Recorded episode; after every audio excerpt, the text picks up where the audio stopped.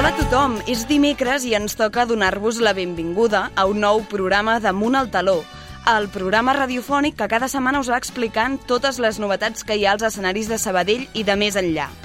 Aquest cap de setmana les dues entitats de la ciutat, el Teatre Sant Vicenç i la Faràndula, han estrenat Els Pastorets i fins al mes de gener podreu gaudir d'aquesta tradicional obra nadalenca. I si parlem de tradicions, també cal esmentar que aquest diumenge 17 de desembre s'ha celebrat la Marató de TV3 i Catalunya Ràdio, que va recaptar fons per investigar malalties que envolten la salut sexual i reproductiva. La xifra final recollida va ser de més de 5 milions d'euros, molt més baixa que els anys anteriors, cosa que demostra que aquestes malalties estan molt invisibilitzades i es va veure clarament que encara ens queda molt per aconseguir la igualtat entre homes i dones fins i tot en la sanitat. Tot i així, moltes gràcies a totes les persones que hi van col·laborar. Abans de començar, vull agrair la feina a les persones que han permès que el programa d'avui sigui possible. Laura Lozano a la producció, Toni González al control tècnic, el nostre col·laborador més cinèfil Edu Gil, a les nostres col·laboradores de cada setmana Júlia Stals i Elvira Frank, i en aquest cas també Carles Branco, que ha participat a una de les seccions, i la veu del programa d'avui que us parla Carlota Gorgori. Doncs ara sí, moment de repassar els continguts del programa que ja us avanço que en són molts i de ben interessants. Amunt al taló. Doncs començarem, com sempre, repassant quines ofertes teatrals ompliran els teatres aquest cap de setmana de la mà de la Júlia Stals. Entrevistarem a Toni Ferrer i Montse Pallarès per parlar sobre Nominicidi, la comèdia que s'estrena al Teatre Sant Vicenç aquesta nit de Nadal, no el 24, sinó el 25 de desembre a la nit. I avui tornarem a tenir amb nosaltres a l'Edu Gil, que ens parlarà de tres pel·lícules que omplen la cartellera cinematogràfica d'aquests dies. I acabarem, com sempre, amb la nostra col·laboradora Elvira Frank parlant de propostes teatrals que estan als escenaris de Barcelona. Parlarem de Picasso, Rei, Monstro i Payaso a la Sala Beckett, La forma de les coses a la Versus Glòries i Napalm al cor a la Sala Beckett. Ara sí, després de fer aquest repàs dels continguts del programa, aixequem el taló. Els dimecres al vespre, amunt al taló. A Ràdio Sabadell. La platea indiscreta. Doncs som-hi, agendes a punt, preparats per saber tot el que tenim a la ciutat aquest cap de setmana i per això, primer, per això hem de donar la benvinguda a la Júlia Stals. Bon vespre, Júlia. Què bon tal? vespre, molt bé. Aquesta Sí? setmana amb molts continguts, eh? Sí? Hem sortit al carrer a gravar el Quin Drama, ja l'escoltareu. I tant, sobre els pastorets. Sí. Molt de pastorets, Molts eh? de Sabadell. pastorets, és que és l'obra de Sabadell. Són... El Roger Benet també deia que els millors pastorets estan a Sabadell i és que és veritat. Completament. És veritat. Doncs va, som-hi. Què hi tenim aquest cap de setmana a la cartellera? Comencem, com no pot ser d'una altra manera, amb pastorets al Teatre Sant Vicenç, que segueixen en cartell dissabte a dos quarts de sis de la tarda. Diumenge no, perquè diumenge és dia 24. Ja no, ja no toca, ja no toca. Seguim a la faràndula, que també representen els pastorets, dissabte a les 6 de la tarda. Molt bé. Què hi més tenim a la cartellera? A l'alternativa a la- l'alternativa ofereixen Creatiu Solidari divendres a les 9 de la nit i dissabte a les 8 del vespre. Alguna cosa més? Sí, per últim, a l'Espai Àgora, que interpretaran La venjança de Pastorets aquest divendres a les 9 de la nit i dissabte a les 8 del vespre. Ui, Veurem veure aquesta, aquesta oportunitat cultural, és interessant, eh? Jo no me la perdria. Tu ja t'has estrenat en pastorets o encara no? Encara no, però ja anirem. Cada Home. any, per norma, així va. Vigileu perquè les entrades dels pastorets, com sempre, volen i sobretot pels dies que tothom Però en tenim també anar. fins a finals de gener. Sí, fins a... El Nadal ja comença s'ha d'hora i acaba el Nadal, tard. quan ja s'ha acabat el Nadal, tothom ja està Ja és la encarant primavera. el 2024, els pastorets encara segueixen. Són tradicions. Doncs, doncs clar que sí. Doncs moltíssimes gràcies, Júlia, per tenir-nos al dia una setmana més sobre les propostes que tenim a la ciutat aquest cap de I setmana. tant, i com sempre, Carlota, Ai, recordem... és veritat, on podem trobar aquesta Home, informació? On ho podem trobar? Doncs a la- a l'aplicació Sincronitzats, que és disponible a iOS i a Android, però també podeu re, re, reprendre el programa Home, i, tornar-ho a escoltar. Per I tant, tant, exacte. Aquesta és teniu. la millor opció. I tant. Doncs moltes gràcies, Júlia. Ara sí, que vagi molt bé. Bona bon setmana Nadal. i bon Nadal.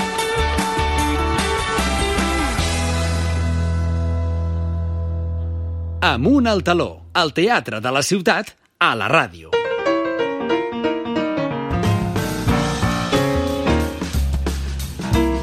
L'entrevista.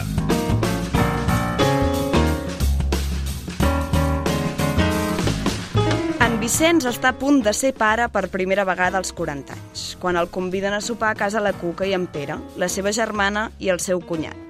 Mentre esperen a l'Anna, la companya d'en Vicenç, que té per costum arribar tard, li fan tota una sèrie de preguntes sobre la seva paternitat. Quan de sobte li pregunten si ja ha triat un nom per al seu nen. La seva resposta els deixa tots bocabadats. Doncs així comença Nominicidi, la comèdia que s'estrena al Teatre Sant Vicenç la nit del dia de Nadal i estarà en cartellera fins al 28 de gener. Per saber més sobre l'obra tenim amb nosaltres avui a l'estudi el seu director i una de les actrius. Bona tarda, Toni, i bona tarda, Montse. Bona tarda. Bona tarda. Què Com tal? van aquests nervis? Van, van, van, van. estem a no? una I són, setmana. I clar. tant, sí. Sí, sí, sí, però ja van bé, ja van bé aquests nervis d'última hora. ui, tant. Primer de tot, agrair-vos que estigueu aquí al programa parlant de nominicidi. Uh, Toni, aquesta direcció, pel que sabem, va ser una proposta vinguda. Com encarem això? Com va anar? Va anar caiguda del cel, més o menys. Jo estava tan tranquil treballant un dia a l'oficina i, i em va trucar, va trucar el Marc Pont i, i m'ho va proposar i jo literalment el vaig enviar va, vaig, vaig, vaig posar a riure dient, tal qual, dient que escolta que jo no, que, no, és que no m'ho havia ni plantejat ni de lluny dirigir i, i, i que res, i que no, i que per favor se'n busquessin un altre però bueno, doncs van insistir i semblava, o sigui, potser ho pot explicar la Montse millor que jo, no? però sembla que ho tenien molt clar, Sí. que encara avui en dia no he acabat d'endevinar per què. El per no? què? Una vegada ja t'embarques un... Ara, clar, Ja està, això és ja un, està fet, és un això, eh? barco molt gros no? que avança, però ja està fet des d'aquest punt de vista. Per què vau pensar amb el Toni? Uh, va ser un projecte una mica iniciat pel Carles Blanco, el Marc Pont i jo, i buscàvem director, perquè volíem formar part de, de la companyia de l'elenc. I vam dir, doncs hem de, necessitem director, o directora, a veure. Va sortir algun nom sobre la taula, però no. I de sobte, encara ho recordo, de l'Urpí, el Marc diu, Toni Ferrer. Hola. Dic, a mi m'encanta com a actor. A més, havíem treballat junts als Adams.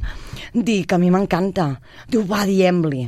Dic, vinga, vinga. Diu, el truco jo i tal, i li dic, dic perfecte. Oh, perquè estàveu fent alguna cosa, em sembla, vestíbul... Sí, estàvem fent un bolo Un del, bolo. del Camaleó del Pastor. Sí. dels Llaners. I diu, bon, si aprofito i li comento, també havíem de dir algun actor més i tal que ens havia de confirmar.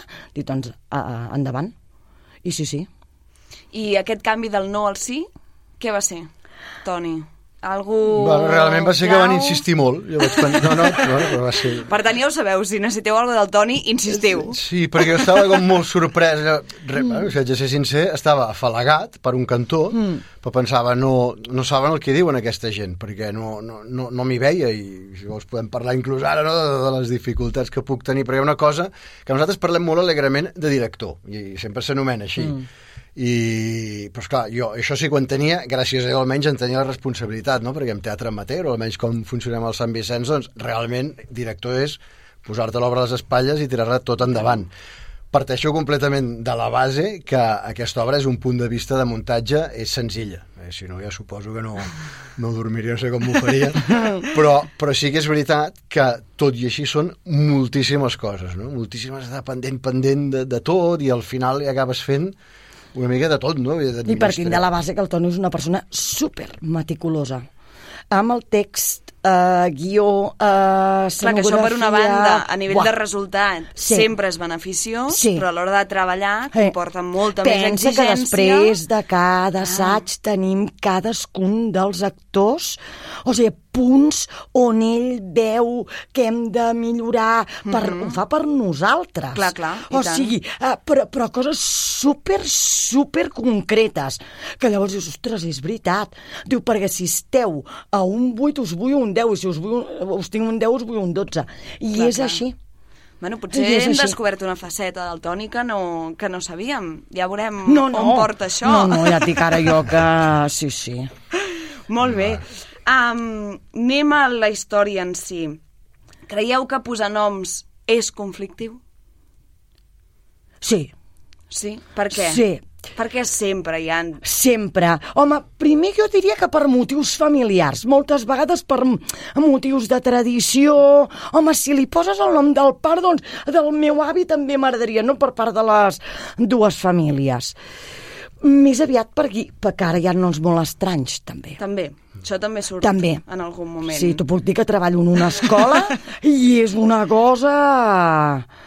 Sí, El fet que el que digui ara no, no vol dir que constitueixi realment la història en concret, eh? perquè de vigilada no, no, no avança res. No, exacte. Però sí que és veritat que hi ha una tendència no, de, de, de, potser de mirar de ser original no, a l'hora que poses sí. un nom.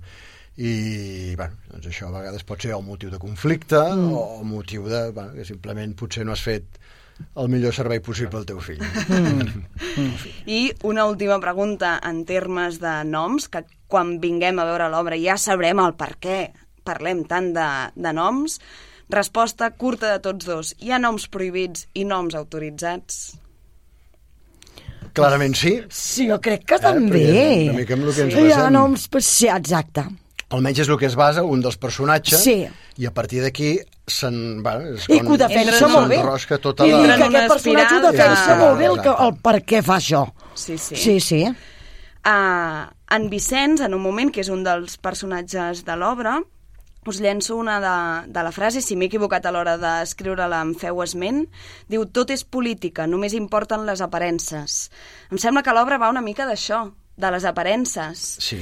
de què pensen els altres de tots els aspectes de la nostra vida, no? Molt bé. Ara estàs passant de lo que dic, no? la, la capa frontal de l'obra, Sí. que és més aquesta, aquesta cosa més banal del GG, els noms, que és una mica el que es fa servir per enganxar, Exacte. a la capa que filosòficament és la veritable, no? que és que una vegada veus l'obra, tot això del nom, que és molt pujat de to i és molt divertit, i després té un desenllaç no? una mica Clar, així però és l'espurna que fa... Sí, és el fos el que diu, és, les famílies es barallen. I a mi aquesta és la part no, on, on m'interessa arribar, no? la part més filosòfica, dir, bueno, aquesta família en concret es baralla per aquesta història i per tres o quatre més posteriors, que fa que tot plegat sigui una Però mica tot ve l'engròs. d'aquí. Tot ve d'aquí. Sí. Però és aquest, no? el, el, el fet, no? dius, mm, aquests es barallen per això, però es van retraient temes que possiblement, ben parlats, amb educació, amb, seria és que ni tan sols motiu d'una discussió familiar i això es fa molt interessant, no? Com qualsevol petit tema que pot ser una petita discussió familiar, si tu la llences a un parent, amb un, com és el cas, no? un sopar doncs, de família, I ara que venen sopars i dinars Ah, familiars... és que això ho trobo És molt molt interessant adient. també. És Molt És adient, eh? Sí, sí, sí. Que són els moments en què amb dos copes de més Sí. es diuen coses de Que no maneres que, potser no calen. No doncs cal. això pot ser una arma, no? Pot ser una... Mm. Pots crear l'altre, realment un, un greuge, no? perquè ell comentaria, hosti, doncs només parlava d'un nom, vale. i a partir d'aquí se les van tenint, no? amb, amb temes mínims, però que posats d'aquella manera sobre la taula són de màxims. Una altra frase que, que en destaco de l'obra és una que diu el Pere. Diu, conec el significat i l'abast de les paraules. Que importants són les paraules en aquest text, Montse. Coneix el significat de les paraules i el I seu abast. Aquesta frase té molta, molta amiga. Sí, el Pere és un...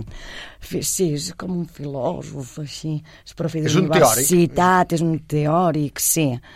Viu molt per les lletres, també, i sí, està bastant obsedit. I més... Mm, potser aquest, aquesta obsessió per les paraules li fa perdre algunes de les seves ocupacions més diàries, que fa que el personatge que interpreta la Montse, la Cuca, perdi els nervis Ja en algun sí. moment. Ja el personatge de la que sí. Montse, la Sí. Cuca, es perd Sí. part de les converses perquè ha d'anar constantment a la cuina a Mm. preparar el sopar que ella té a punt. Mm-hmm. Una una de les coses que a mi em va sorprendre d'aquest text és una contradicció. Els homes de l'obra es mostren aparentment progres, moderns, d'esquerres, Mm. i moltes de, de les reflexions que fan van en aquest sentit. Però a la vegada ben apalancats a la taula, amb una cervesa, una copa a la mà, mentre les dones amunt i avall. Hm. I en aquest... Mm, D'allò ens hi trobem a la Montse, que Sí. interpreta la Cuca. La Cuca, sí. Què, la Cuca? Ui, la Cuca porta una motxilla important. Sí, important. Sí, amb dos criatures, de 9 i 4 anys... I això, bueno, però la Cuca va vivint. Va sobrevivint, La culpa- em sembla, eh, una sí, mica, més va que vivint, sobrevivint, Sí. Aguanta, diguem. Aguanta, és Aguanta professora d'institut... fi- Sí. I... I, i, i. I deixem-ho aquí. Molt bé, doncs deixem-ho Oi? aquí. Sí. I aviam. No, però el moment que peta la cuca és molt potent, jo crec. Bueno, jo penso que sí. Mm. La Montserrat potser no vol que, que ho diguem. Ah. és, bé, és un moment que jo penso que s'ha d'aprofitar per fer un manifest una mica en línia de, de lo que tu deies. El, el, em permets, Toni? El, tant. el Toni, i sobretot en el, en el meu personatge, que, que adoro, que adoro, eh, i ell ho sap, uh, m'ha partit l'obra entre... O sigui, entre aquest moment que estem parlant i la resta de l'obra.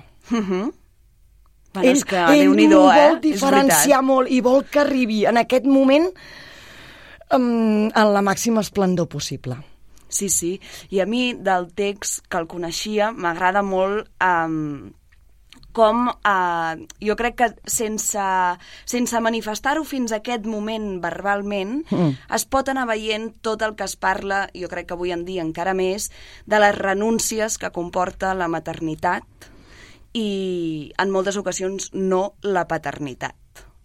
I penso que són uh, que, que el text ho tracta d'una forma molt quotidiana, en molts... No? Vull dir, és un sopar d'amics, no és una gran reflexió, com deies, d'aquests temes filosòfics, no, però és que en petites coses No, no, però la Cuca, pots anar reflexionant la de Cuca moltes. es preocupa de dir-ho mm, diverses vegades. Però Sí, però passa com, amb- com ho diu qui li retreu una cosa de això no ho has ordenat aquest matí. Mm.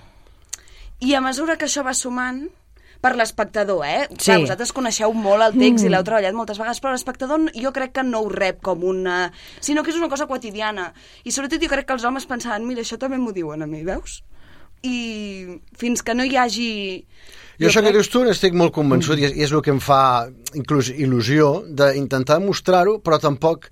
El text, evidentment, el respectem. I sí que hi ha algun moment que és molt explícit, però també és molt endavant de l'obra. Llavors, mentrestant, sí que és exactament el que dius tu. O sigui, la, la reflexió, és, el que reflexa l'obra és una cosa que és molt quotidiana, que qui no vulgui rumiar, penso que s'anirà a casa dient, bueno, una comedieta. Sí, m'ho he passat bé. I la importància que una mica de tenir l'oportunitat d'explicar-ho amb tu és que el que en canvi se'n vulgui anar a casa i, i reflexionar 10 minuts mm. i pot començar a veure moltes coses I tant. de si mateix, de la seva família Sí. i a més si tu analitzes les... són cinc personatges, eh, que això potser no ho hem dit tal qual uh, la psicologia són ben... que són pràcticament les d'un quadrilàter amb un ficat al mig mm.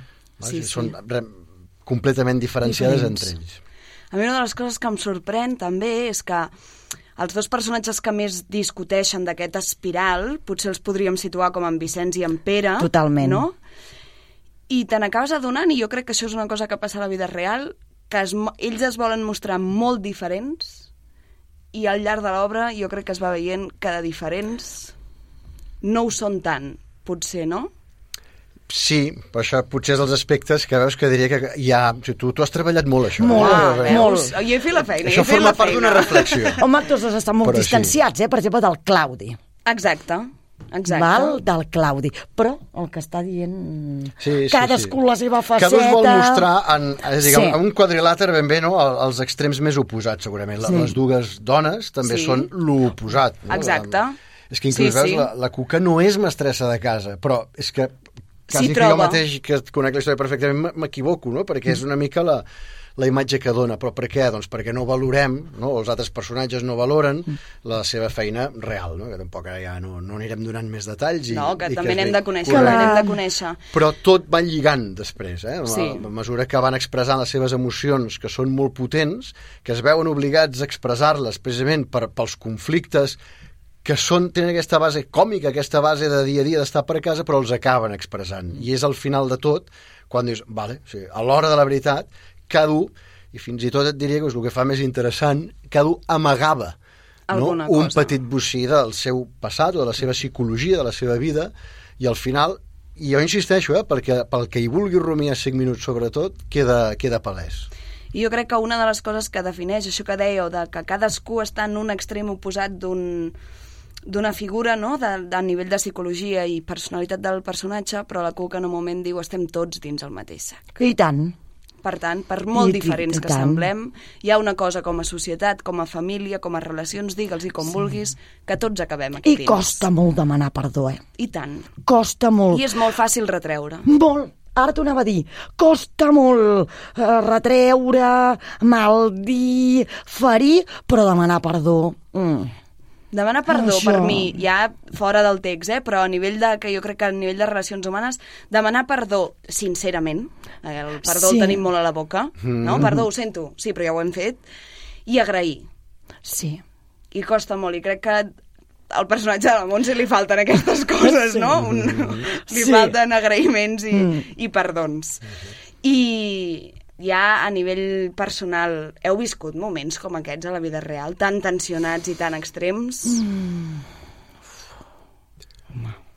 Bé, bueno, tampoc hem vingut aquí per parlar de vida personal, però sí que, i et dic, jo insisteixo, que és el que vaig reivindicant tota l'estona, és això, és a dir, estic segur que a totes les famílies, en Sí, major o menor grau, sí. hi ha això, no? Una cosa amagada, una cosa que s'explica però amb una voluntat que potser no direm de mala fe, però molt clara d'influir, po- potser doncs, en els descendents o qui sigui, no? de, de com Sí. s'explica la història. I sobretot això ja és molt recargolat, però evidentment és d'una d'una persona que he pogut passar moltes hores, la figura d'aquell que calla alguna cosa com per fer, per fer un bé, no? Sí. però si aquest callar no? si que, per, per insignificant que sigui eh? estem parlant de coses molt quotidianes mm. surt a lo millor al cap de 15 anys aquest que jo ho callava per aquest bé superior però, però, però i tu has estat, i vius ara no? I llavors, això, i es veu a l'obra clarament no? pot ser realment això que jo en dic no? un, un arma de llancívola no? de destrucció massiva. massiva. Que d'aquí també hem tret el valor de l'obra, que ara mateix no, no el vull dir perquè no, no me'l sé exacte, però va per aquí. Sí, sí. El, Em va per aquí que les Sant Vicenç Del, va per feri- si, aquí. el silenci o alguna de... No, que el que et quedes a dins Exacte. acaba... mat- les acaba... ferides passa... callar ferides Sí. passades pot tenir conseqüències. Exacte. És dir, que en el I fons... en les famílies això... Ah, Perdó, sí que no hem un- conclòs... Això, ara ho lligues dient... I a totes les famílies... I tant. Vaja, bueno, no, no crec, doncs, ha de passar més o menys a totes. I moltes vegades, per com deies, eh? el nom del bé de la família. Sí. Es callen moltes coses que acaben sortint en un sopar més distès, sí. no? Amb el que dèiem, amb dos copes de més, que no te n'en recordes, que pum, que ja hi som, i entres en aquest espiral que ens trobarem en hominicidi, que estrenem el 25 de desembre mm. al Teatre Sant Vicenç. Doncs res més, molta merda Ai, per encarar gràcies, aquests Carlota, últims assajos i gràcies. l'estrena i recordar als oients que a, fins al 28 de gener tindran Nominicidi al Teatre Sant Vicenç i que poden adquirir les entrades a la seva pàgina web per reflexionar o per riure una estona. Correcte. Per tant, Exacte. per fer de tot. Doncs moltes gràcies a tots dos. A que vagi molt bé. bones festes. Gràcies. Igualment. Amunt al taló.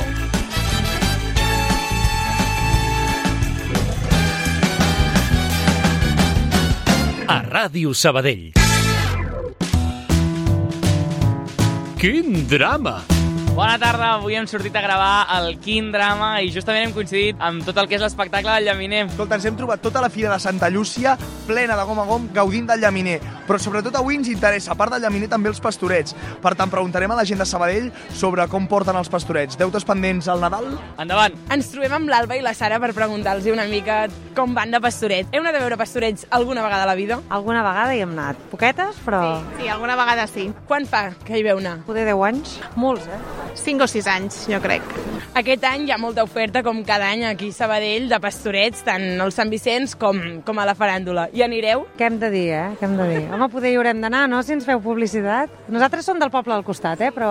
Creieu que és una bona oportunitat per als fills, sobretot pels infants, per conèixer una mica aquest, els orígens de- d'aquesta festivitat del Nadal? Sí, estaria bé continuar amb la tradició i refrescar-la una mica, que... Jo anava a dir, sou, sou de fora, heu dit, i esteu aquí a l'espectacle del Llaminer. Com, com és això? Perquè és interessant, no?, saber on arriba. O us l'heu trobat de casualitat, que també pot ser. No, L'any passat ens el vam trobar casual, jo me'l vaig trobar de casualitat i llavors aquest any hem pensat a venir. Sí, i nosaltres venim d'afegits perquè ens han fet bona publicitat i hem dit, bueno, doncs venim a veure això de què va. Està bona publicitat, seguirà, opinions del Llaminer, contents? Ah, seguirà, i tant que seguirà. Seguim caminant per la Fira de Santa Llúcia i ens trobem amb el David i amb el Marc. Hola, com esteu? Molt bé. Vosaltres estàvem investigant sobre els pastorets d'aquí a Sabadell. Aneu a veure els pastorets, no, David? Cada any. Cada any. Sou fixes. Llavors, suposo que, Carles, tens alguna frase preparada perquè em continuïn, no? Si sou fidels als pastorets, n'heu de saber moltes. Us en diré una, aviam. Hi ha algú que surt a l'escenari i diu prou blasfèmies i heretgies, miserable criatura. Com segueix aquesta frase? Que amb les teves gosadies... Tu canta, va, voldries la donzella més pura. Mare de Déu. Escolta, aquesta prova superada. Fans, a més, prova superdifícil, aquesta, perquè Sant Miquel, Sant Gabriel, Sant Miquel. Tot un expert dels pastorets, podem una- sentir, En eh? fem un altre o què? Va. Hi ha un, un personatge que diu i si per si de cas us cou massa, poseu-vos-hi... Paper d'estrassa. Bueno, Déu de Déu. Déu de Déu. Per què què diuen? Com va el paper d'estrassa? Va molt bé. Uah! Fixa't, ja el pròxim any et finxem al Sant Vicenç o la faràndula per fer el Lloquet Rovelló. Marc, has vingut a veure el llaminer? Sí. T'ha agradat avui? Sí. I demà hi vindràs? Sí. Fixa, eh, Marc? Demà. Demà també. Un de pastorets fixa i un de llaminers fixes, i aquest any també estareu fixes a pastorets. Escolta, Pol, una cosa, aquesta mania que tens d'anar tocant totes les boles, que vas agafant figuretes del pessebre, ara estàs rodant un molí aquí, agafant una estable... Què és aquesta mania No ho que sé, tens? però perquè hi han, hi han d'haver-hi emocions, sensacions. La fira, Noi. el Nadal s'ha de tocar. Ja, Carles, bueno. Carles, el Nadal es toca. Que sí, però no cal anar per totes les botigues de la Fira de Santa Llúcia agafant boles de Nadal i ficant-te-les a l'orella. Carles, a tu no t'agradava anar a buscar molsa? Bo, molt. Doncs pues ja està, ja està. Ara mateix ens han portat la molsa aquí a la plaça de l'Ajuntament. Què més va. vols? Una cosa, però podem deixar de ficar-nos les boles aquí pel cabell com si fóssim un ador de Nadal i anar a preguntar coses a la gent? Em sembla bé, preguntem-li a la senyora. Vale, va. Estàvem per aquí al mig de la Fira de Santa Llúcia i ens hem trobat el Robert, que va vestit de Pare Noel. I escolta, això significa que portes l'esperit del Nadal molt arrelat? El porto molt arrelat, però estem regalant dolç als nens. Estem regalant dolç als nens. Bueno, el Nadal ja és una miqueta de dolç. I, de fet, avui la finestra del llaminer han donat dos pals de sucre. Per tant, el dolç i el Nadal sempre van relacionats, sí o no? Sí, sí, i tant, i tant. Ara, als nens els agrada molt el dolç, a mi també, i per això els, els estic regalant. Al Nadal hi ha moltes tradicions. El dolç, la Fira de Santa Llúcia... Però a Catalunya hi ha una tradició que és indispensable, que són els pastorets. El Pare Noel, el, el Robert, que va disfressat del Pare Noel, va veure els pastorets? De vegades. A vegades, eh? Quantes vegades hi has anat en tota la teva vida, si les haguéssim de comptar? Cinc o sis he anat. Molt bé, doncs mira, un regal que podem demanar pel Pare Noel és que aquest any els nens i nenes de Sabadell, de, de qualsevol lloc de Catalunya, vagin a veure els pastorets més i que cada any hi hagi més gent que vagi a veure els pastorets. Jo, com a Pare Noel, recomano a tots els nens i nenes que vagin a veure els pastorets a partir d'ara. Moltes gràcies, Robert. Doncs seguim repartint il·lusió, seguim repartint dolç a, als nens i nenes de Sabadell. Ara ens trobem amb el Dani, aquí davant de l'Ajuntament, fent cua pel llaminer també. És, és l'hora, bàsicament. Com viviu el Nadal a casa vostra? Doncs aquest any, bueno, molta il·lusió, tenim una nena petita, és els seus primers Nadals i bueno, està molt, molt, molt il·lusionada. És diferent el Nadal quan ets pare que quan, quan no ets pare? Sí, es viu diferent, no sé, quan no ets pare, tens... quan ets petit sí que ho vius molt, eh, quan ets adolescent potser deixes de tenir aquesta il·lusió i ara la, doncs, la recobres amb els, amb els fills, o sigui, és una il·lusió, els veus, estan molt contents i sí, fa, fa moltíssima il·lusió veure-ho. Sou d'anar a veure teatre? Ens agrada però no tenim temps, intentem quan, quan traiem una mica de temps amb la nena o alguna cosa, sí que intentem anar a veure alguna coseta, però sí, sí, en veritat ens agrada, però ens costa. L'obra nadalenca per excel·lència aquí a Catalunya són els pastorets i sobretot aquí a Sabadell hi ha molts pastorets, tant a la faràndula com al Teatre Sant Vicenç. I heu anat? No, no hi hem anat. Els hem vist pel carrer, vam anar a l'encesa amb el Llaminer, sí que estaven el Lluquet i el Rovelló, si no m'equivoco. Sí, va estar el Jeremies, els vam veure, però no, no hem tingut temps encara d'anar-hi. Intentarem, però no, no hem pogut. I aquest any us proposeu anar-hi? Ho intentarem. Eh, si traiem temps, sí, és una, és una cosa que tenim pendent de, de Nadal. De tant en tant és un clàssic que la gent se sàpiga les frases típiques de, dels pastorets, com bé la gent se sap les frases típiques, per exemple, de, de plats bruts. Si us diem alguna frase típica, molt, molt, molt, molt típica dels pastorets, la sabríeu? Us en diem una i ho provem. I si no, us la diem i així ja n'haureu après. Mira, hi ha, una, hi ha una frase que diu no et fiïs d'aigua que no corre, aviam si sapiguem... Crec que aquesta és difícil, eh, Carles? No et fiïs d'aigua que no corre i de gat que no miola, la diu el Lluquet, aquesta frase. Ara ens trobem amb la Montse, que és una paradista de la Fira de Santa Llúcia. Cada dia viviu el llaminer, el, el seu espectacle. Com ho viviu, això? Jo personalment, amb moltíssima il·lusió. Pensa que en tinc 56, però quan surt el llaminer jo en tinc 6, eh? I jo canto, ballo i ploro. M'encanta, ho passo molt bé. A més a més, trobo que, és, que et fa reviure a moments de quan eres petit i et fa tornar a tenir molta il·lusió per moltes coses. Cada dia molta emoció. Creus que tots aquests nens, infants que venen a veure el llaminer aniran a veure els pastorets o els han anat a veure? Ho haurien de fer perquè els pastorets els hem anat a veure tots, no?, en algun moment, i és una cosa molt típica del Nadal català i jo crec que ens ajuda, després quan som grans ho recordem i ens ajuda una mica a reviure les coses amb molta il·lusió. Sí, sí, haurien de fer-ho, eh? A casa sou, per tant, d'anar a veure els pastorets? Ho hem sigut sempre. Jo, nosaltres ara som grans, però hem tingut un, un fill que té 24 anys i també l'hem portat a veure els pastorets, eh? Quants cops de la vida creus que hi heu anat? Nosaltres quan érem petits anàvem cada any, o sigui, no sabria dir-te, però un bon grapat, eh? Amb les dues mans poder ens en faltarien dits. Ara el Carles us posarà a prova de les frases més emblemàtiques dels pastorets. Hi ha una frase que, que diu una persona de pastorets en una situació molt, molt dolenta, vull dir, perquè està passant alguna allà entre els pastors, està discutint el Lluquet amb, amb el satanàs que va camuflat de pastors, i de cop, entre, en, en, entre tota la multitud, surt una persona que diu tu que ets ali tan bon mosso, la sabries seguir o no, aquesta frase? No la sé seguir, no la sé seguir. Aviam si saps dir qui és. Diu, tu que ets ali tan bon mosso, digues-li que està destorbant, que se'n vagi a un altre poble, que aquí tots som gent de pau. Qui pot... Ostres, tinc l'escena, eh, al cap. A més a més, per aquesta escena jo tinc a casa un, un foc de dimonis. Mm. Bueno, la diu la Marta, sí, la dona del Jeremies, no? entremig de, de tants problemes que hi ha, doncs treu el Jeremies i li diu, tu que ets ali tan bon mosso, digues-li que està destorbant, no? li diu això al Satanàs perquè el Satanàs s'intenti espantar, però al final és el Jeremies qui s'acaba espantant. Bé, doncs el Nadal, tradició, la Fira de Santa Llúcia, hem de venir a comprar la Fira de Santa Llúcia, que tenen coses supermaques, fem una visita per aquí, passegem amb els nens, amb les famílies, és igual l'edat que tinguem, i també anar a veure els pastorets a l'edat que tinguem, a veure el llaminer, el Nadal al final ens transforma i és lo màgic del Nadal. El Nadal és una mica remoure totes aquestes energies per intentar que les coses canviïn l'any que, que comença. Sí, és això, eh?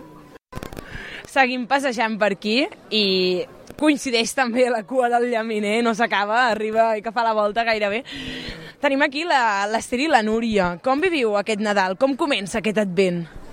Bueno, pues comença molt aviat. Vam començar el 24 de novembre, que vam anar a veure el Pare Noel, que vam veure el Carles també, oi que sí? I amb molta il·lusió, perquè clar, els nens petits es viuen amb moltíssima il·lusió. També molta il·lusió, molt estrès, molts nervis eh, i amb moltes ganes ja de que arribi el Nadal. A casa sou de teatre?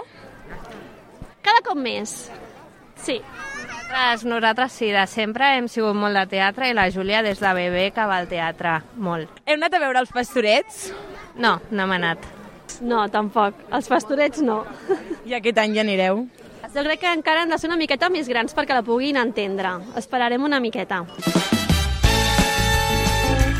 El Teatre Sabadellenc a Ràdio Sabadell.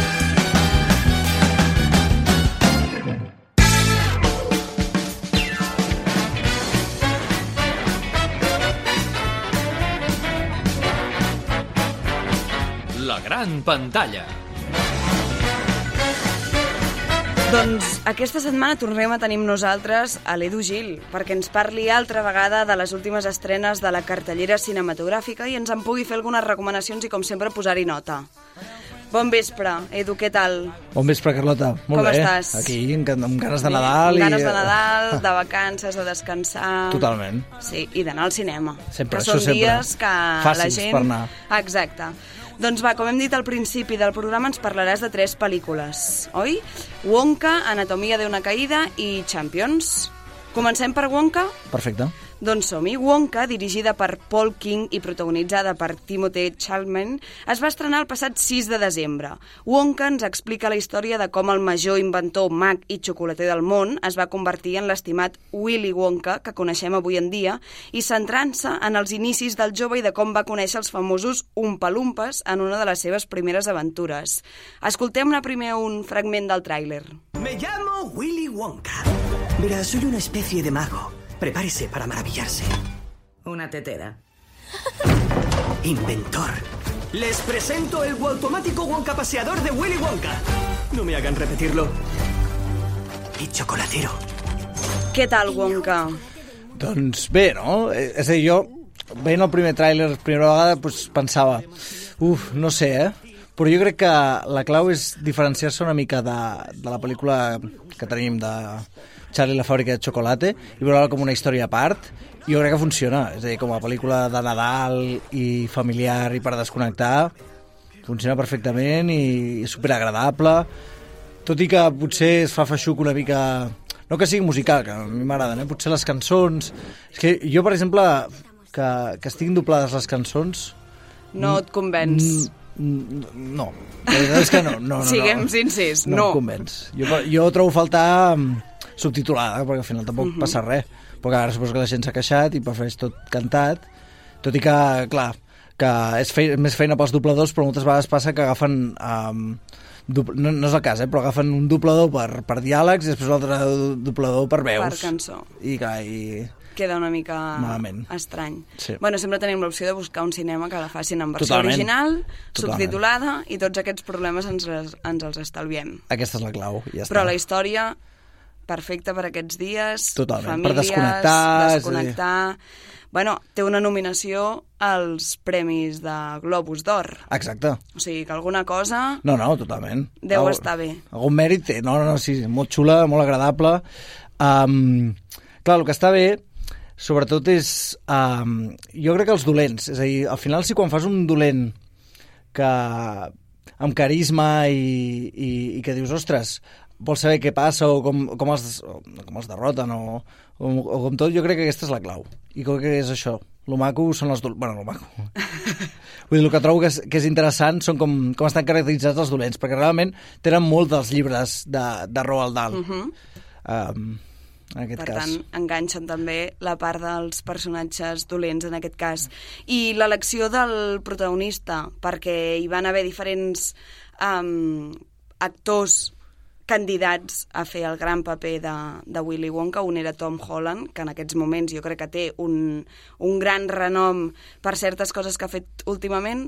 Com valores a Jo Timothy? crec bastant positivament, és a dir, com t'he dit abans amb el tràiler, no m'enganxava, sobretot per les bromes que surten, no m'enganxen, però trobo que al final, al llarg de la pel·lícula, li queda bé, però perquè tampoc intenta imitar el de Johnny Depp, i és més, un, més amigable, és a dir, és, és totalment diferent i per això l'acabes acceptant. Saps? No s'intenta semblar a l'altre, és com un Willy Wonka totalment diferent, totalment nou. I jo crec que això és, és la clau, perquè al final, si no... Sempre xoca- pots fer la comparació I xoca. i, i pot sortir bé o malament. malament, Però si ho exacte. fas diferent ja no pots... Ja te'n lliures almenys d'aquesta crítica. Nota per Wonka, Un sis i mig. Sis i mig. Tirant a set potser depèn de... El dia de Nadal potser tinc un set. també va bé. Doncs ja ho sabeu, després dels dina- dinars de Nadal, aneu-hi que us agradarà més, Exacte, encara. segur. Perfecte. Doncs anem a una pel·lícula totalment diferent a Wonka, no gaire divertida a nivell de la història, que és Anatomia de una caïda. Dirigida per Justin Trait, és la història de la Sandra, una escriptora alemanya que és jutjada per assassinat després de que el seu marit mori en misterioses circumstàncies. Escoltem-ne el tràiler. Solo quiero que sepas una cosa. No soy un monstruo.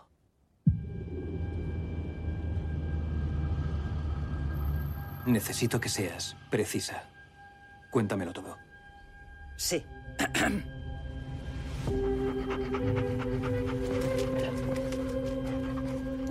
Abans de que l'Edu ens parli sobre la pel·lícula, nomenar que no sé quina nota li posarà, però té una nominació als Premis Goya, quatre nominacions als Premis Globus d'Or i una nominació... Bueno, no, una, nomina, una nominació guanyar. no, va guanyar la Palma d'Or al Festival de Cannes. Exacte. Pel·lícula francesa, estrenada a París inicialment.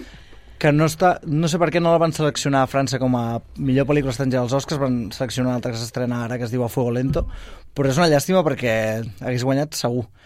Uh, molt bona pel·lícula de judicis, molt interessant, és a dir, dura, ja aviso, és llarga perquè dura dues hores i mitja, però no es nota, és a dir, passes molt ràpid perquè passen moltes coses, és a dir, és com un judici televisat, de fet et sents molt a dins, i clar, és un gènere ara que, que estem molt acostumats amb tot el tema de, de crims o, o, o de sèries que tracten de casos reals, i la veritat és que val la pena, um, a mi m'agrada molt, tot i, um, tot i que potser al final esperes algo més, o molta gent m'ho deia, diu, "Eh, jo esperava, però jo crec que és un bon final, sincerament, i i això, que, que l'aneu a veure aquestes vacances, si voleu um, un, un thriller com Déu mare de judicis com els que es feien als anys 90, que de fet és un, és un gènere, els judicis, que, que s'ha perdut, Sí, jo crec. Que... Sí, perquè potser aquests, aquestes pel·lícules on hi ha assassinats o alguna sempre s'ha tirat més per la part policíaca, d'investigació,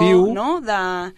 I aquesta és... Ara hi ha una sèrie que no em ve el nom al cap, que també és sobre un judici um, sobre un, una persona acusada de violació i és tota la part de, del judici, ara hi és molt bona.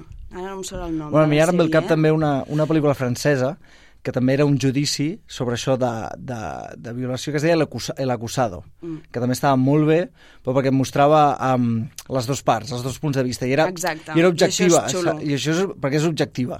Exacte. Pots veure tu i al final fer la teva reflexió sobre si ha sigut un judici just, si no, quina és la o, teva o, visió. o, que el, o si el sistema funciona Exacte, perquè a vegades potser no és tant el judici en si, sinó el sistema judicial que, que hi ha darrere de tot això. Per tant, jo crec que entre la recomanació de l'Edu i la quantitat de nominacions i premis que té la pel·lícula, no hi ha dubte que la nota serà... És que jo dubto, va, mira, tiraré alta i potser després la tiro més... Però és d'aquelles que ara mateix li posaria un 8. Vale, bueno, Un 8 bona ben nota, merescut. bona nota. Un notable. Un notable alt. Un notable alt, perfecte. Doncs som, em sembla que ara ens n'anem a una que serà també... Baixarem amb les mitges de les notes, haurem agafat tot el rang i anem a Champions. Dirigida per Bobby Farrelly, és el remake de l'exitosa pel·lícula de Javier Fesser Campeones, que es va estrenar, ai, que es va estrenar aquí a Espanya, un equip de bàsquet en, que entrena i competeix a les Olimpiades especials sota la guia d'un entrenador imperfecte, però dedicat. Escoltem-ne també un fragment. ¿Te acuerdas de Marcus Malakovich? ¡Esa hay que meterla! Le despidieron. Marcus, sal de la cancha. Eso no ha estado bien. Solo hay malas noticias para los Iowa Stallions. Menudo idiota. Señor Marakovich, le ofrezco servicios comunitarios, entrenando adultos con discapacidades intelectuales. Señoría, estamos hablando de retra... Uh, nada de palabrotas. Bueno, chicos, vamos a hacer un simple ejercicio de manejo de pelotas. A mi novia le encantan. Clar, també ve de, de al, almenys la versió espanyola aquí va ser un gran èxit amb Goyes A millor fins i pel·lícula, tot, a millor sí. pel·lícula i a millor actor, Exacte. revelació, diria Sí, sí, sí, que és el per Jesús- un de... ah, sí, sí, el Jesús oi? Vidal, em sembla. Per un d'ells, Sí, sí. i em sembla que aquí no ha sigut el mateix. És a dir, el problema jo crec d'aquesta és...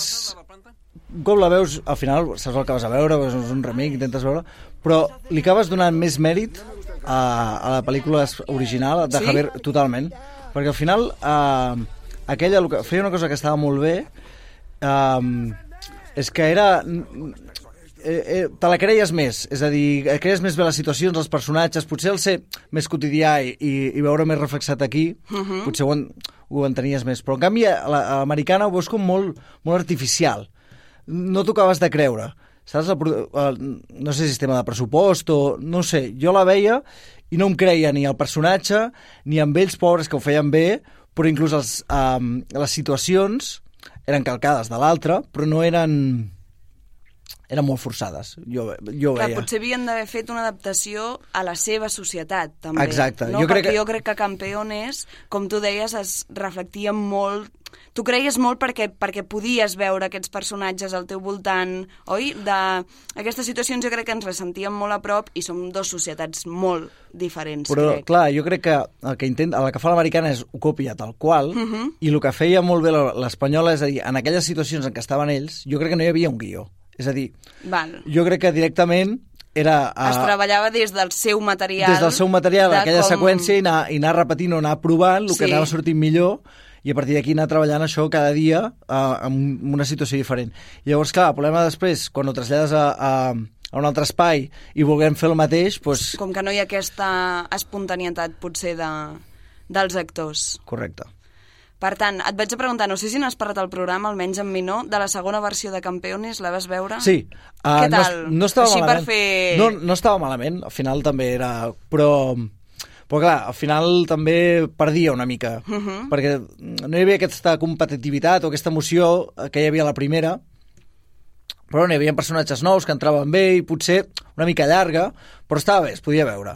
Jo en aquesta, a la segona versió el que li vaig donar molt mèrit és a ella, l'actriu que interpreta la- l'entrenadora, perquè veníem d'un D'un- Javier Gutiérrez, Molt... sí, sí, Javier sí, sí. Gutiérrez, um, ostres, que va deixar el llistó molt alt, és un actor que treballa molt bé, molt conegut i de cop i volta una cara super desconeguda fer un altre cop el paper d'entrenadora en aquest equip, vaig pensar, ostres, i vaig veure que la història hagués pogut per mi ser una mica més àgil o més d'allò, però vaig pensar, doncs ella aguanta bé, el... aguanta bé. Sí, perquè al final sí, també sí. És, és el que dèiem, també, com és, al ser molt quotidià, ella s'ho troba també molt, molt de cop, Sí. doncs clar, i, i suposo que el paper també se'l va trobar com molt de cop, llavors, Segurament. Eh, llavors li queda molt natural, no? Sí, sí.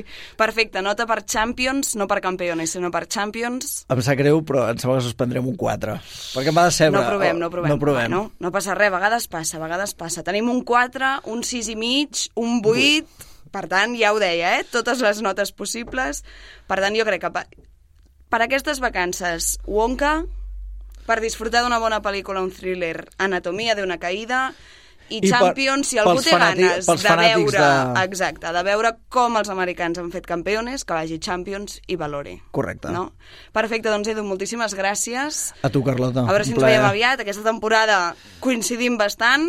Déu a veure eh? si Ja en dos seguim mesos així. ja bastant, si sí, seguim sí. parlant de cinema. Doncs que vagi molt bé la setmana, Edu. Gràcies. Igualment, merci. Que vagi bé. Bones festes. Posa't al dia de l'activitat teatral de la nostra ciutat a Ràdio Sabadell.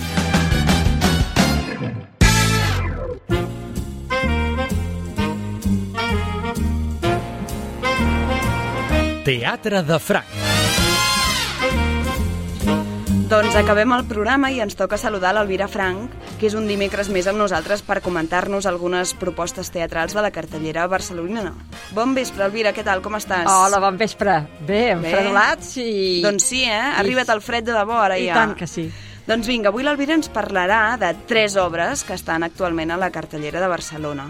Parlarem de Picasso, Rei, Monstro i Payaso a la Sala Beckett, la companyia de pallassos coneguda, RUM, en commemoració del 50è aniversari de la mort de l'artista, presenta aquest espectacle que interroga la història del pintor i les seves múltiples facetes, des de l'humor, com sempre, I i, amb un toc de melancolia que sempre també caracteritza els pallassos d'aquesta D'aquest. companyia. I tant que sí. També parlarem de la forma de les coses, a la sala Versus Glòries, una història entre l'Evelyn i l'Adam, en què ella, en nom de l'art, està disposada a tot. I també parlarem, doncs, una altra obra a la sala Beckett de Napalm al cor, la versió teatral de la novel·la d'en Paul Was que porta el mateix nom. Exacte. Perfecte, doncs va, amb quina comencem, Elvira? Comencem per la forma de les coses Doncs i anirem fent la forma de, del, Ah, del de programa. Del programa. Doncs som-hi, va. doncs això, la forma de les coses de Nil Labuté, tal com has dit, a la sala Versus Glòria. Una proposta dirigida per Mar Rosic, que últimament està en estat de gràcia per tots els premis rebuts per la direcció de l'alegria que passa. Exacte. Eh? En aquesta ocasió, el conegut director, dramaturg i traductor presenta una obra de text que en aparença podria ser una comèdia, però que té un fons força crític i fins i tot real. Nit d'estrena. Vaig tenir aquesta sort d'anar a la nit de l'estrena. En entrar a la sala, les dues actrius, els dos actors, ja estan a l'espai. I l'escena és tota blanca, tot, tant el terra com els mobles que serviran de plics a les diferents i curtes escenes. Els mateixos actors indiquen al públic per on han de passar i què és el que no es pot trepitjar al creuar l'escenari. Mhm. El Versus Glòria és de banda i banda, l'escenari és al centre, I per anar a una banda... anar a l'altra banda Has de de, passar. creuar l'escenari, llavors et deien, per aquí no, no trepitgis. Comença la funció. L'Adam, interpretat per Francesc Marginet, representa un vigilant d'un museu, un noi tímid i insegur.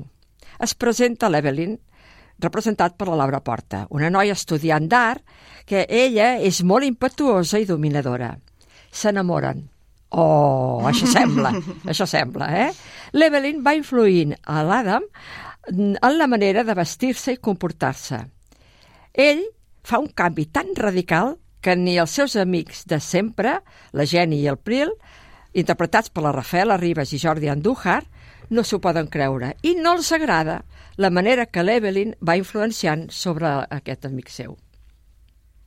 Així comença una història plena de gags i situacions còmiques que el director ha volgut ressaltar en les seves actuacions. Es podria fer també més sèria, eh? però el Mar Rossic va tirar de, de fer-ho D'aquesta línia. més còmic, eh? per acabar sent una obra reflexiva i dura que fa pensar fins a quin punt una persona pot estar dominant a a una altra i fer-la canviar pràcticament de la seva personalitat. A més, també qüestiona si per cre mm, crear l'art es poden valdre de tots els recursos més insospitats, fins i tot passar per sobre les coses més importants com és l'amor, l'amistat i inclús les Les persones. persones. Eh? Una posada en escena amb molts canvis de situacions que estan resoltes canviant amb rapidesa els petits mobles de lloc i una bona il·luminació que va marcant Els cada espais. escena. Exacte. Esplèndid text, amb suggerents frases que en sortint anima a comentar-los. La manipulació existeix en tots els sentits. Però fins a quin punt en som conscients que ens estan manipulant? Doncs sí. Aquest, jo crec que aquest. menys del que és. Segur. Segur que no ens n'adonem de com No. ens manipulen. I sort. També. No? Sí, de la mateixa manera que el noi Si de la no, no funció... sé com podríem viure. També, també. Doncs el noi de la funció tampoc se n'adona que la seva enamorada el va transformant i manipulant. Bona direcció i bones interpretacions, molt còmiques, tal com he dit, però bastant creïbles. I és un goig que ho digui en una sala petita. Aquest teatre, bo en tots sentits. Aquesta obra estarà en cartell fins al dia 28 de gener. Encara tenim temps, doncs, i una bona recomanació, doncs, Podem la per, forma fest, de les per coses. festes o després de festes? Perfecte. Doncs som-hi. Anem amb... Anem amb Nepal al cor. Molt bé, som-hi. Uh, ara parlaré de, les dues, com has dit tu, de les dues sales de la Beckett. Sí. Aquesta és uh, les, una de les sales, una adaptació de la novel·la de Paul Guasc que va guanyar el sisè premi d'anagrama de novel·la 2021. 21. Una exitosa novel·la que ha estat traduïda al castellà, l'anglès, el francès, l'alemany, entre altres idiomes, i que l'Oriol Puig i Grau s'ha cuidat de fer la dramatúrgia per portar-les al teatre. El jove Guillem Sánchez Garcia ha debutat també com a director per presentar una obra que jo diria que és molt complicada de seguir, donat que els quatre intèrprets que la representen són només els narradors de la història. Uh -huh. És tota narrativa i prou. Unes actuacions volgudament planes que en cap moment es relacionen els uns amb els altres. Cadascú explica el tros de novel·la que li ha tocat i va explicant els diferents episodis de l'argument.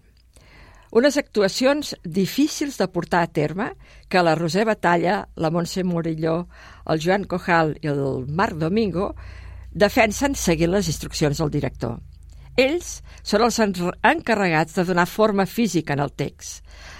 Els acompanyen, amb veus en off, altres actrius i actors, la majoria estudiants de l'Institut de Teatre, que justament representen els personatges principals de la novel·la. Uh -huh. És, és un canvi, no? Sí. Molt diferent.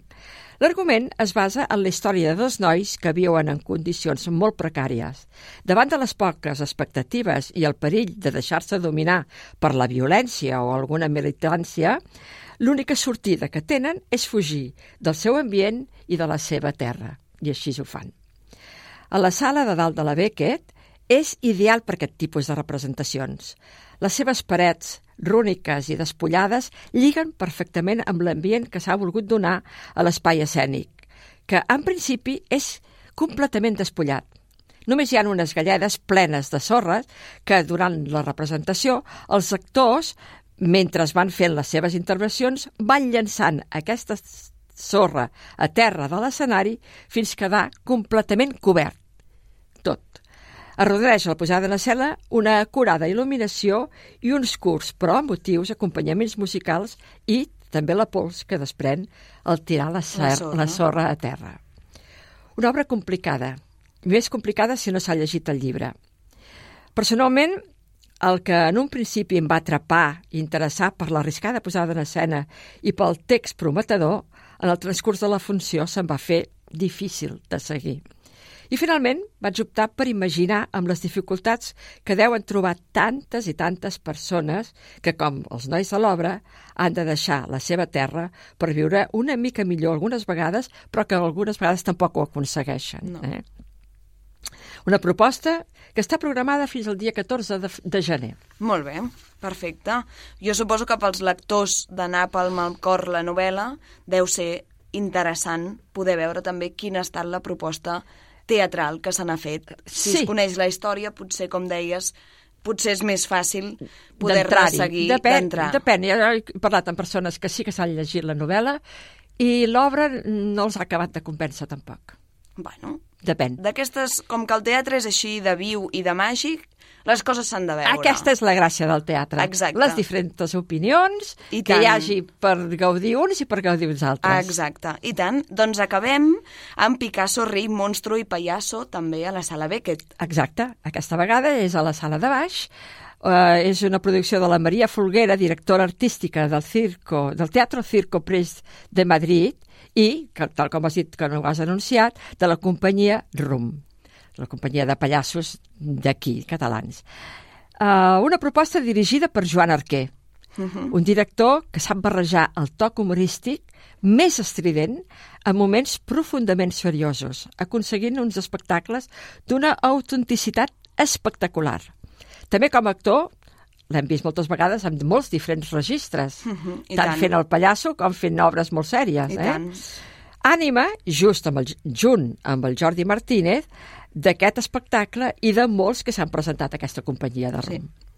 Jordi, Jordi Martínez, versàtil, com sempre, interpreta excel·lentment el personatge conegut del pintor i escultor Pedro Ruiz Picasso. Destaca la semblança que tenen ells dos. Física ja Sí, pròpia, la semblança no? física, sí. I Joan Arquer fa del seu amic Ramon Gómez de la Serna, que és el poeta i cronista de circ. El pintor, al començar, reposa les seves despatlla, les despulles ja fa molt temps. Però el dia dels seus 50 anys de la seva mort, arriba la trup de pallassos i, a part de fer-lo reviure, també desenterren algunes de les seves malifetes, amors i vulnerabilitats, marcant al mateix temps tres etapes importants de la seva vida i de les seves pintures. L'escenari es converteix en un circ, on els pallassos en són els protagonistes. Ells seran alguns personatges dels quadres pintats de Picasso que reviuran. Disbauxa, comicitat, rebombori i música de la banda, com sempre, i l'increïble o imprescindible nas vermell, Exacte. que també és característic de la companyia. Sí, sí. sí. Caral Albinyana fa tots els papers femenins de la funció. Ella s'emporta bona part de les mirades quan està en escena per la seva gran actuació. Gran actuació. És la primera dona que treballa en aquest grup. Mhm. Aquest grup sempre havia estat només D'homes. i ha sigut un encert. Alguna acròbata alguna vegada havien Alguna tingut, vegada. però puntualment Exacte. eh, no com a part d'algun espectacle així com a història i dins la companyia. Exacte, Mhm. exacte. Tenim també el Jordi Lozano, que ja forma part de la companyia, que sorprèn aquesta vegada, ja l'hem vist altres vegades, eh, amb aquesta faceta, però aquesta vegada sorprèn com fa sonar música amb varietat d'objectes, que tant pot ser una escopeta com la pota d'una tam- d'un tamboret o d'un pal de paraigües. De tot arreu fa música. La resta d'actors pallassos, Lluc Armengol, Mauro Paganini i Piero Steiner, no es queden pas enrere. I cada un fa diversos personatges que no es podria triar quin és el que ho fa més bé perquè estan tots encertadíssims, conservant l'aire de pallassos més divertits i irònics característics d'aquesta companyia. Al fons de l'escenari apareixen unes projeccions moltes vegades manipulades pels mateixos actors, que acaben de completar la història del bohemi i contradictori geni andalús. Una experiència una mica surrealista, màgica i meravellosa que jo diria que no se la podeu pas perdre. Aquesta la podeu trobar fins al dia 7 de gener. Per tant, aquestes festes. Exacte, aquesta, aquestes festes. Perfecte. Doncs aquí deixem el programa i la secció de Teatre de Franc. Moltes gràcies, Elvira, per les recomanacions. Ens veiem aviat i bon Exacte. Nadal. Igualment. Que vagi molt bé. Igualment, adéu-siau. Doncs aquí deixem el programa d'avui. Moltes gràcies a tothom per escoltar-nos. Ens veiem la setmana vinent. Amunt al taló.